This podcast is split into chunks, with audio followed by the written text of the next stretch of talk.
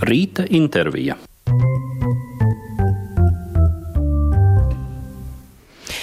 Atspēras rīta saruna. Diriģents Andris Vēsmānis, Arvis Elsons pie skaņpūles, Lieni Jakovļeva pie mikrofona. Andri, šis ir tāds ļoti, man liekas, intensīvs gada sākums tev. Protams, Putna opera ir um, atgriezusies uz skatuves un ne pirmo reizi tu arī satiecies ar putniem, zvēriem un cilvēkiem šajā iestādēmā. Vai Tu vari teikt, ka Putna operā ir atkal kaut kādi jauni akcenti radušies, kaut arī droši vien tas viss pamats ir saglabājies. Jauni akcenti neapšaubām ir, jo ir jauni solisti. Vecā saules paudze jau auklē mazbērns droši vien. Bet, um, Vai arī, arī ir jauns, iegājuši citās lomās? Jau arī, jā, citās lomās, un, protams, jā, jā, tā. Tas ir pilnīgi savādāks jau laiks. Prieks, ka viņi ir atgriezusies atpakaļ, jo tā ir ļoti spilgta pateicoties skatuviskiem risinājumam un arī nu, šai muzikai, kas ir ļoti labi uzrakstīta. Tieši bērnu auditorijai. Iespējams, ka viens no labākajiem darbiem vispār pasaulē, jo es ļoti daudz zinu tās bērnu operas, kas arī ir ārzemēs rakstītas, un šī ir viena no labākajām, pēc manām domām. Ir jau notikušas pirmās šī atjaunojuma izrādes, vai bērni ir tādi paši kā pirms uh, gadiem desmit? Nu, tas dīvainais, ka jā. Nu, varbūt pirmā cēlēna beigas, kur ļaunais Dorntons uzstājās, pirmizrādē sāk mežonīgi raudāt vairāk. Vecāki viņu nes ārā no zāles, bet uh, tāpat ir ļoti iespaidīgi, un es arī jūtu to sačukstēšanos un to uh, intrigu, kas ir, un gal galā bērnu operas izrādes uh, atjaunojuma pirmizrādē stāvovācijas arī liecina par to, ka nu, ne tikai bērniem, bet arī vecākiem patīk šī izrāde. Tas ir tas, kas šobrīd ir um, aktuāli tev, un arī šodien pēc atspēras tev tūlīt jāskrien uz operu, jo arī, kā zināms, bērnu izrādes tiek spēlētas divreiz dienā. Bet, um, Andri, tu nebija klāt, diemžēl, jo bija tieši pirmizrādē mūzikas akadēmijā, kad tavs students Artūrs Švarcbachs saņēma mūzikas akadēmijas gada balvu. Tev kā pedagogam tas arī ir novērtējums un gandarījums. Nu, tas neapšaubām ir uh, novērtējums, bet es tomēr domāju, ka tie studenti viņi, nu, paši ir pašpietiekami, ko mēs arī redzam ar Kristus auderes panākumiem un uh, iepriekšējiem arī maniem studentiem, kas ir šo baldu dabūjuši, ieskatot Anastasiju Kildišu, ka viņi, nu, viņi paši ir jau tādi ļoti spēcīgas personības ar mm, ļoti labām uh, iespējām kļūt par māksliniekiem nākotnē, un tāpēc es uh, Domāju, ka tas ir pedagoga arī tāds, protams, novērtējums. Un ir īpaši korģiģēšanas ziņā, kas mums tomēr ir tāda spēcīga, spēcīga šī kultūra un, un augstā līmenī gan kori, gan korģiģēšana. Tāpēc, jā. Arī Aivs Greters taču ir savā ziņā tos skolnieks vakar pie simfoniskā orķestra. Nu, tāda lielā debija viņam bija un šķiet ļoti veiksmīga. Un Ainārs Rubiķis un Jurģis Cābuls, un te varētu saukt un saukt. Mm, vai tu vari teikt, ka tā ir arī tāda varbūt pārmantojamība, un viņi visi ir savā ziņā arī, nu, piemēram, Imanta Kokara mazbērni vai nu jau maz, maz bērni? Jo kaut kas tevī taču arī no visiem taviem skolotājiem droši vien ir. Jā, jā nu, protams, tā, tas ir tas mm, pleciem sēdēšanas princips, jā, kas ir, kur iesniedzās jau kaut kādā agrākā laikā.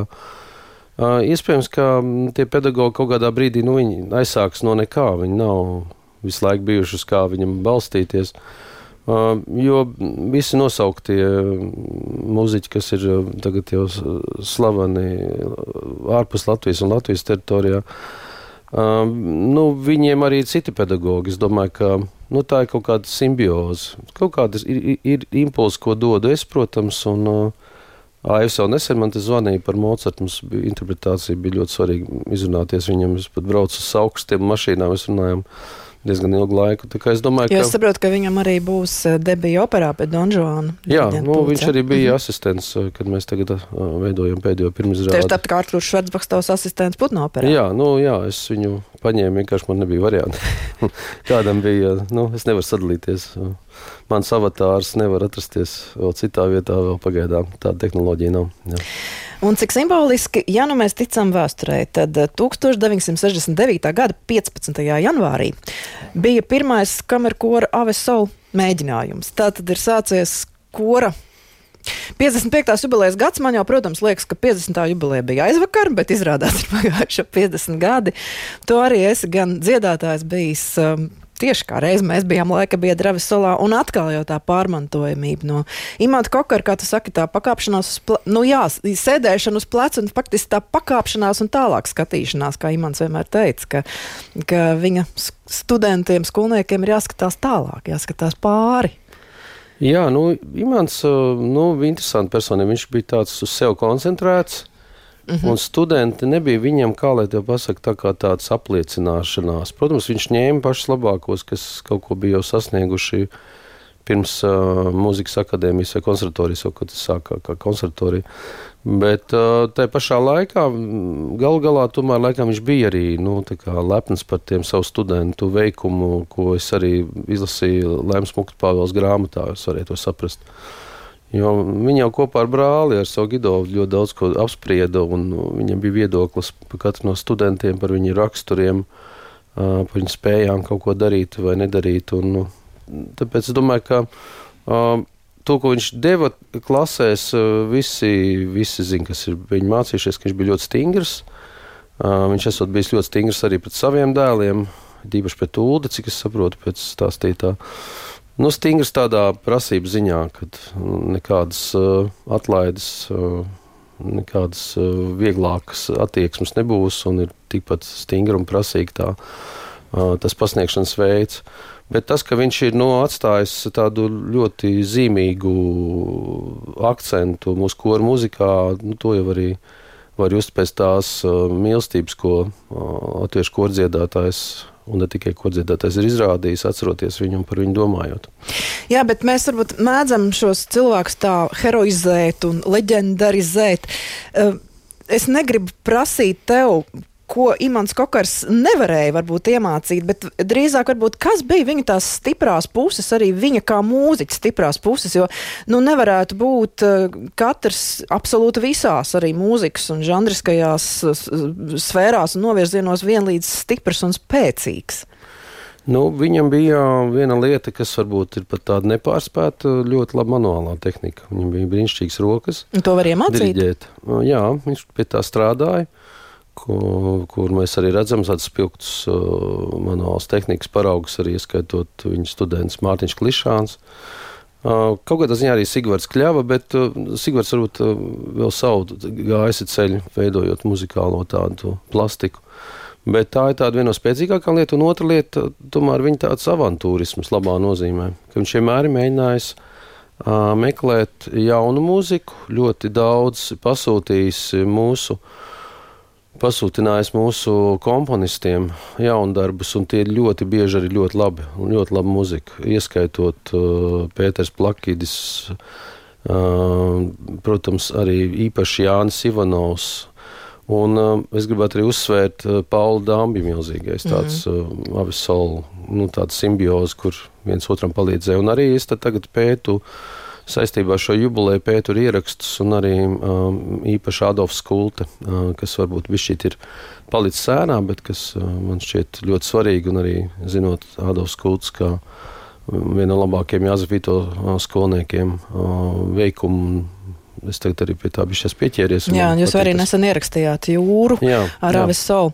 Bet vai tu piekritīsi, ka, piemēram, senā mūzika baroks nebija viņa stiprā puse. Es atceros, kad mēs iestudējām Hendeļa mesiju, man liekas, Imants kur bija drusciņi tā kā apjucis. Viņš īsti nezināja, ko darīt, kas savukārt lūk ir tava stiprā puse un tava nu, mīlestība. Bet to jau var saprast, jo, nu, tajā laikā, kad viņš studēja, nebija aktuāls tas jautājums. Un nebija varbūt arī tā pieeja pasaules. Nebija pasaules pieeja, bet arī, nu, garīgā muzika vispār netika mm. šeit atskaņot. Attiecīgi viss šis te Šī daļa viņam bija noslēpta līdz 88. gadam, kad mēs varējām Lūcijas garots Dievs to zemdega atskaņot, ko viņš ļoti drosmīgi, nestoties uz partijas nostāju, šo arī bezdievības nostāju padomu savienības laikā. Viņš vienkārši pa spīti visam viņa iestudēja, tas bija īstenībā milzīgs šoks sabiedrībai un arī mums pašiem, un arī es pirmo reizi um, Mūsu tēvs debesīs dziedāja, tas bija ļoti aizkustinoši. Un, nu, viņš arī ļoti labi tika ar to galā, jo zinot to, ka tas ieraksts, kas ir no vēl kara laika, kur arī pat Lucija Garūta piedalās kā ērģelniece, Nu, diemžēl nav tik augsts kvalitātes, lai varētu to, bet viņš ir to savu iepriekšējo gadu pieredzi, zināja, kā to izdarīt, un rezultātā bija nu, tāds ļoti grots un fundamentāls gan ieskaņojums, gan ļoti daudz koncertu Latvijā. Jā, tu pieminēji jau savu jubileju, tā tad būs koncerti, koncerts, sērijas, ko tu vari tā mazliet, mazliet ieskicēt. Jā, mums ir viens liels jubilejas koncerts, un viss gads ir tādā bija šī jubilejas zīmē. Liels jubilejas koncerts mēs viņu esam paredzējuši Universitātes aulā novembra mēnesī. Un, uh, ir domāts līdzīgi kā tas bija Ravis Solo laikā, ka ir nu, pirmā skaņojuma, ir daudz jaunas mūzikas. Un, un nedaudz tāda, protams, ka es tagad noklausījos, klausoties ierakstus no Avis Solo pirms 25 gadu jubileja, tur ir tāda atkāpšanās, tur ir tāda džēza trio pavadījumā, tur skan tāda uh, amerikāņu mūzika un, un, un, un angļu valodā. Un tad, nu, tā, tāda veida izklaides uh, pasākums mums nebūs. Mums būs tāds, tāds nopietns koru mūzikas koncerts, kurā mm, jā, tiks arī dažādi jauni skaņdarbi atskaņoti. Es ceru, ka es arī saņemšos vasarā, uzrakstīšu arī kaut kādu jaunu kompozīciju. Un, mm. jā. Gaidīsim. Jā, par kur mūziku mēs runājam, un par kur mūziku mums ir jāparunā, jo 20. janvārī tiks pasniegta pirmo reizi kur mūzikas balva, precīzāk balvas, un tu līdz ar Ainā Rubiķi, Jānu Ozolu, Selgmēns, Norests Silabriedi esi viens no žūrijas pārstāvjiem. Es tā saprotu, ka laikam neko tu nedrīkst atklāt. Nevienu, ne. nevienu, nevienu. Bet vismaz um, vai tu vari atklāt, vai bija gana daudz un cerēti daudz tie pieteikumi.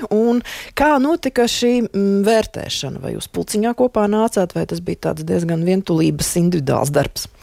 Tas bija pilnīgs individuāls darbs, kur rezultātā bija rezultāti, kurus mēs vēl pēc tam apspriedām, ja bija strīdīgs jautājums, piemēram, divas balss pret divām balsīm. Tur, ja. nu, tā. Mm -hmm. Un tad mums bija, bija apspriešana un, un doma. Nu, man patīk tas, ka mēs tā vienojamies, tomēr, ka tas ir tāda pirmā balva īstā amatieru mākslā. Tomēr, es tā par to priecājos, jo uh, Ziemassvētku tradīcija vispār uzrāda, ka mums ir nepieciešama šāda balva, ka mums ir savi mākslinieki jānovērtē. Un, uh, Viņi ir ļoti daudz un ļoti liela konkurence. Un es tur to, ko Kaspars Putiņš izteicies par tiem dziesmām, ka nav rezultāts tur uh, svarīgs, jā, kad ir gauniem foršāk, kad ir tāda mīļāka tā sajūta, ka mēs tik cīnāmies par to rezultātu. Nu, tomēr es domāju, ka tā augstā kora kultūra, kas šeit Latvijā ir, bez tāda kaut kāda rezultāta latiņas veidošanas nebūs tik augstā kora kultūra, kādā ziņā šie jauniešu kora sasnieguma fināls, ko mēs redzam dziesmētku um, kora karos, ir tāds, kāds varbūt nav citos pasaules nacionālos kora, kora karos. Nu jā, ar interesi gaidīsim, jo dziesmu svētku biedrības pārstāvs Inns Teterovskis mums vēstījis, ka ir 116 pretendenti deviņās nominācijās, tostarp arī balva par mūža ieguldījumu. Ļoti interesanti, kurš to saņems, un to mēs uzzināsim tieši pēc nedēļas, 20. janvārī. Bet, Andri, vai var teikt, ka tavā dzīvē arī bijis tā, ka kora, mm, koris priekš tevis ir viņveidīgi bijis nozīmīgs kaut kādos brīžos, tad varbūt atkal tu esi atkāpies vairāk uz orķestra, uz operas pusi, un tad atkal ir koru uzplaukums. Kādā tu šobrīd esi sajūtā ar koriem, ņemot vērā, ka paradoxāli, bet tiešām tev bija debija dziesmu svētku estrādē pagājušā vasarā? Nu, man ir bijušas uzstāšanās dziesmu izstrādē. Tā bija um, Rīgas uh, 110 gadu. Nu, bet kā dziesmu svētku izdirigents? Kā dziesmu svētku izdirigents, bija, protams, debija. Uh, Nu, man bija tā, ka īstenībā, tā, ka es biju kordirģents un uh, darbojos daudz ar koriem, tad kaut kāda iekšēji man um, varbūt ģenētiski saistībā ar to arī, ka tēvs vadīja pūtēju orķestrus augstos. Un, un bija ar orķestriem arī saistīts. Man bija tāda vienmēr iekšēji tieksme interesēties par instrumentālo mūziku, kas nav saistīta ar kori. Kaut arī bija nu, gatavots visu mūžu tā kā tāds uh, nu, kora pārstāvs, kora diriģents. Un, uh, tad, kad es jau sāku vairāk darboties ar orķestriem, tad atkal man vienmēr bija tāda atskatīšanās pār plecu, cik jauki bija, ka man bija saulē kurs. Jo um, tur atkal ir kaut kādi citi principi, kā darboties, kā domāt. Un, Tad, kad bija iespēja kļūt par uh, avisolu vadītāju, tas man bija liels izaicinājums. Patiesībā tev arī jubileja 2000. Desmit gadi tev ir pagājuši. Jā, man ir desmit jā. gadi, jā. Mm -hmm. un, un tas man bija liels prieks, ka tāda iespēja bija, jo, nu, savulaik jau avisolu bija nu, tāds, tāds mēķu kurs, ko ļoti daudz būtu gribējuši diriģēt. Un Imants ļoti gudri darīja, viņš nekad nevienam neļāva diriģēt, viņš diriģēja viens pats, tai, nu, gala izskaņā. Tikai beigās savu dēlu Ulu pieaicināja arī sākt diriģēt šo koru, bet uh, Pārējiem mēs nekad netikām pie, pie kora, ne, nebija tādas iespējas. Um, Andri, šajā laikā, kad tu esi bijis pie Putna operas diriģenta pulca, ir iznākusi arī Valža Muktu Pāvela grāmata Prūšos manas kājas autas grupas rasa mantojums. Tas arī tāds savulaik bija tāds sāņu solis tavā dzīvē. Un interesanti, es tā palasījos, ka tiešām to valdi Muktu Pāvelu pirmo reizi ieraudzīju televīzijā, kaut kur Maskavas kaut kādā raidījumā. Jā, es viņu ieraudzīju tiešām uh, centrālajā televīzijā, Jā. pirmajā programmā. Nezinu, kas tur bija noticis. Uh, lielajiem uh, Maskavas kungiem tika rādīta uh, fantastiska iespēja redzēt latviešu uh, divus. Tautas mūzikas atskaņotājs. Tas bija Valds Mukpāvs ar vienu vecāku kungu, kur viņi spēlēja koklēm. Un, un es biju tik apgūts no tā, jo es nu, kaut kā nebiju, man nebija aizskārš. Valds toreiz spēlēja uz Latgales koklas ar to spārni, kas ir. Un, uh, es biju tik bezkaunīgs, ka es ieraudzīju viņu konservatorijā, piegāju viņam klāt un te, teicu, ka es gribētu ar viņu kopā muzicēt. Tā tas arī bija? Jā, bet nu, viņš arī viņš ir tik, tik atklāts uh, bija pret mani un tik. Uh, nu, pretim nākoši, kad jau tajā pašā brīdī mēs aizgājām uz viņa dzīvokli inženieru ielā. Viņš parādīja savu brīnišķīgo biblioteku, kur bija nu, savākt visi šie melngaļi un citu mūsu tautas uh, garu mantu vācēju grāmatas, kur viņš bija sakolekcionējis. Un, un instrumentu klāstu, kas viņš bija šajā pavisam nelielajā dzīvoklī, komunālajā, pateiksim tā. Jā, nu šobrīd mums skan tava brīnišķīgā balss, aizvien arī brīnišķīgā balss um, dziesmā Kāda zieda rudzīšana, bet tā gan laikam nav no albuma Prūšos manas kājas autas, uh, kas ir. Jā, tā, tas ir cits albums, tas jā. ir tas, ko mēs uh, ierakstījām pēc Franču kompānijas.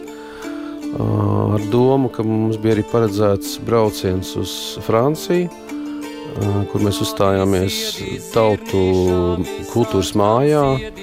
Un tie kultūras mājas vadītāji bija arābi, un viņiem kaut kāds bija kvotas, kur viņiem vajadzēja arī Eiropiešu tautas mūziku atskaņot. Tad mēs iekļuvām tajā straumītē, lai varētu arī tur uzstāties, kas bija ļoti liels notikums mums kopā ar Setu.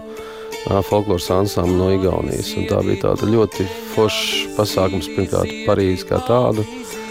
Viss šis ceļojums arī kopā ar grupu. Un, nu, vislabākās atmiņas un arī Es tagad paskatījos, ka Spotify ir ielikts rases uh, devums pēdējā laikā. Mēs arī pagājušā vasarā uh, Brīvības muzejā pabeidzām šo savu ras, rases veikto prūšu uh, ciklu ar um, Lutera himnas Dievs kungs ir mūsu stiprā pils ieskaņojumu prūšu valodā, baznīciņā ar tādām autentiskām mēģelēm. Uh, Brīvības muzejā un piedalījās rases bijušie dalībnieki. Visiem balsis skan vēl. Jā, un arī mana meita tur piedalījās.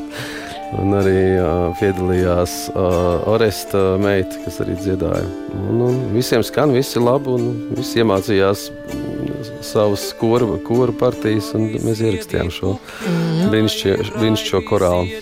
Jā, grāmata vēl nav redzēta. Tur ir arī sarunas ar jums un atmiņu stāsti. Tas mums vēl ir priekšā. Bet, Andri, man drusku, drusku gribas ieskandēt arī dziesmas krasts, kādas taktis, jo tu taču kādreiz gribēji būt arī popdziedātājs. Nu, es nezinu, kā viņi to laiku sauc. Laikam tā, nu, tāds neakadēmisks, estrādes dziedātājs kā Ingus Petersons. Jā, jā, nu, Ingas bija vispār tāda paraugs, augstos. Viņa nāca no tādas ļoti sportiskas ģimenes, tēvs bija fiziskultūras pasniedzējs. Gan Aivars, gan Ingūns bija nu, brīnišķīgi sportisti. Es vienmēr brīnījos, es biju jau bērns, mazs un viņi jau bija jau vidusskolā. Un, uh, Ingus panākumi man arī spārnoja vispār nodarboties ar mūziku. Es biju pametis mūziku, bērnu mūzikas skolu, un uh, es iestājos mediņos ar domu, ka es kļūšu par estrādes dziedātāju. Viņš tieši tāpat bija mediņus beidzis kā pianists. Un, un tikai pēc tam aizgāja kā dziedātājs. Bet viņš jau, kad jau mediņos bija pēdējos kursos, viņš jau sāka dziedāt. Un arī viņu paņēma Imants Kokars. Ļoti daudz uh, dziedāja viņš solo, ar, uh, arī ar kameru kuravu solo un daudz braukāja pārzemēm. Un, un, viņš ir no saukrastiem, un arī viņi visi stāsta par windsurfingiem reāliem. Tas nav tikai dziesma, bet tas arī ir tiešām šī jūra un saule. Un tas man arī atstāja tādu ļoti eh, lielu iespēju arī muzikāli. Es gribēju iet šīs pēdās, un tad es sāku komponēt. Un, un arī bija tāda iespēja mm, cita viena saukrastieša grupā, eh, krasts. Einārs Kizjālo to bija izveidojis un ar saviem dombiedriem. Un te viņi man kādu periodu starp šiem braucieniem uz ārzemēm ar, ar Avis Solis padarbojos. Tas jau tad, kad tu armijā biji? Uh, tas bija pēc armijas, uh, bet uh, nu, tur sakrit viss tā kopā. Jā, jo Imants Kakars Avis Solā tev laikam tieši no armijas izcēla. Ja? Viņš man izcēla no armijas, jā, jā, bet uh, tas bija tieši pēc armijas un uh, tas periods nebija garš. Mēs bijām uh, zem suntažu kultūras nama, zem kolhoza īstenībā. Mēs bijām skaitījāmies mūziķi. Tur. Bija jāspēlē balss un suntažu kultūras namā. Bet ar šo dziesmu, kas šobrīd skan pēc pusnakts, tu taču pat uh, mikrofonu aptaujā. Jā, jā pat, pat bija normāls rezultāts salīdzinot kādas tad dziesmas jā. nonāk. Jā. Uh, bet, Andri, atpakaļ pie tavas uh, dzīves šeit, uh, opernamā un arī aizvien taču ar vidzemes kameru orķestri. Opera arī tev ir ļoti plašs spektrs. Skatos, tev nākamā izrāde ir balets trīs. Nu, ne nākamā, nākamā tev, protams, ir jau pēc pāris stundām putna opera, bet atkal citā žanrā trīs muskatieri. Tas jā. atkal ir tāds cits uh, solis, vai ne? Kur pilnīgi nu, citas prakses. Jā, trīs muskatieri ir. Uh, arī bija tas uh, virziens, kurā es interesējos un darbojos. Tas vairāk tā kā senās mūzikas stilizācija, ko Jānis Kučers čehu komponists, ko es jau pagājušajā gadā satiku, diriģējot Prāgā. Viņu, nu, viņš bija atbraucis uz pirmizrādi. Un, Es kaut kādā video skatījos, kurā viens diriģents diriģē šo trīs muskatieru, nu, tāds melniem matiem. Un, un tagad iznāk kaut kāds vīrietis uz pirmizrādē trīs muskatieru skatus. Es domāju, kas tas tāds? Jo es gaidīju, ka viņš savādāk izskatīsies. Tāds blonds, uh, čeks, ļoti, ļoti pretim nākošs, labestīgs un labs mūziķis ļoti labs diriģents un arī komponists. Viņš daudz arī kā pianists uzstājās. Mums bija daudz par ko parunāt, gan Rīgā, gan arī Prāgā. Tāpēc īstenībā mums ir tāds, nu, arī tāds savstarpējs kontakts. Šo baletu diriģēt ir savs viedoklis par lietām. Un droši vien, ka tev ir arī ļoti svarīgi, kāda mūzika skan baletā. Uh, jā, nu, varbūt kāds orķestrants pavīpsnāja, viņi var tādu bišķīt vienkārši, bet nu, tāds ir tas uh, uzstādījums, uh, zinot to 17. gadsimtu, kurā notiek trīs muskatieru drāma, kas īstenībā ir diezgan patiesa, protams, ka Aleksandrs Dimā ir diezgan bijis tāds um, pļāpīgs, ka mēs redzam pēc viņa romāniem, kas ir ārpus trīs muskatieriem, bet nu, mans bērnības aizraušanās bija Grāfs Monte Cristo, Uh, īstenībā tās viss ir reāli, reāli gadījumi, ko viņš kā, nu, prot, ļoti skaistā valodā izpušķot. Ja, tas viņam ļoti piestāv. Andra, bet es vienā intervijā atceros, lasījos, ka tavs dzīves tāds neizsapņots sapnis ir kino. Jā, tu nu, tuvojies, varbūt sapņa realizācija um, kaut kādā veidā. Nu, es vienkārši redzu, cik tas ir šausmīgi sarežģīti. Dvēseli putenis, kas tika izveidots ar ļoti labiem panākumiem. Un um, režisors es pilnīgi jūtu, ka tas ir nu, līdz kaulam nu, tas paņem, paģēra pilnīgi visu Viss, to laiku. Jā. Un tā jau mums visiem ir. Es zinu arī, ka Gidons Krēmers gribēja vairāk režisēt un arī kino taisīt. Un, jo tā ir tāda. Nu, tāda lieta, tas tāds izaicinājums, jo kino atšķirībā no mūzikas, ja tie nav ieraksti, nu, viņi kā dūmi, uh, mūzika iz, izplēna, kino paliek, tas ir kā grāmata, tas ir kā dokuments ja, kaut kāds laika, laikmets. Man ļoti žēl viena lieta, ko es tiešām neizdarīju, ko es jau biju nolēmis darīt. Es gribēju uztaisīt dokumentālo filmu par Pēteru Plakidu, jo mēs bijām ļoti labi pazīstami, un es gribēju uztaisīt vienu tādu vīna ceļojumu cauri Rīgas kafejnīcām kopā ar Pēteri un Agnes Egliņu un ar muzicēšanu. Un es diemžēl nevarēju dabūt tehniku, es ļoti izmisīgi meklēju tehniku, lai varētu to izdarīt, jo viņa ļoti skaista šī vīzija. Un ļoti žēl, ka šis dokuments nav palicis, jo mums bija tāda, nu, tur bija kaut kā tāda īpaša muzikāla. Šubertiska, teiksim, tā muzikāla pieeja nevelti Aldis ļoti bieži uzstājās ar eh, Pēteru Plakidi, Unguru mūžā, manis eh, aizsāktajā Šubertiādē, ko, ko mēs kopā ar Aldis savulaik izdomājām un izveidojām. Un, nu, tādas lietas ir bijušas, es par to esmu domājis, un, bet nu, pagaidām tas vēl nav realizējies.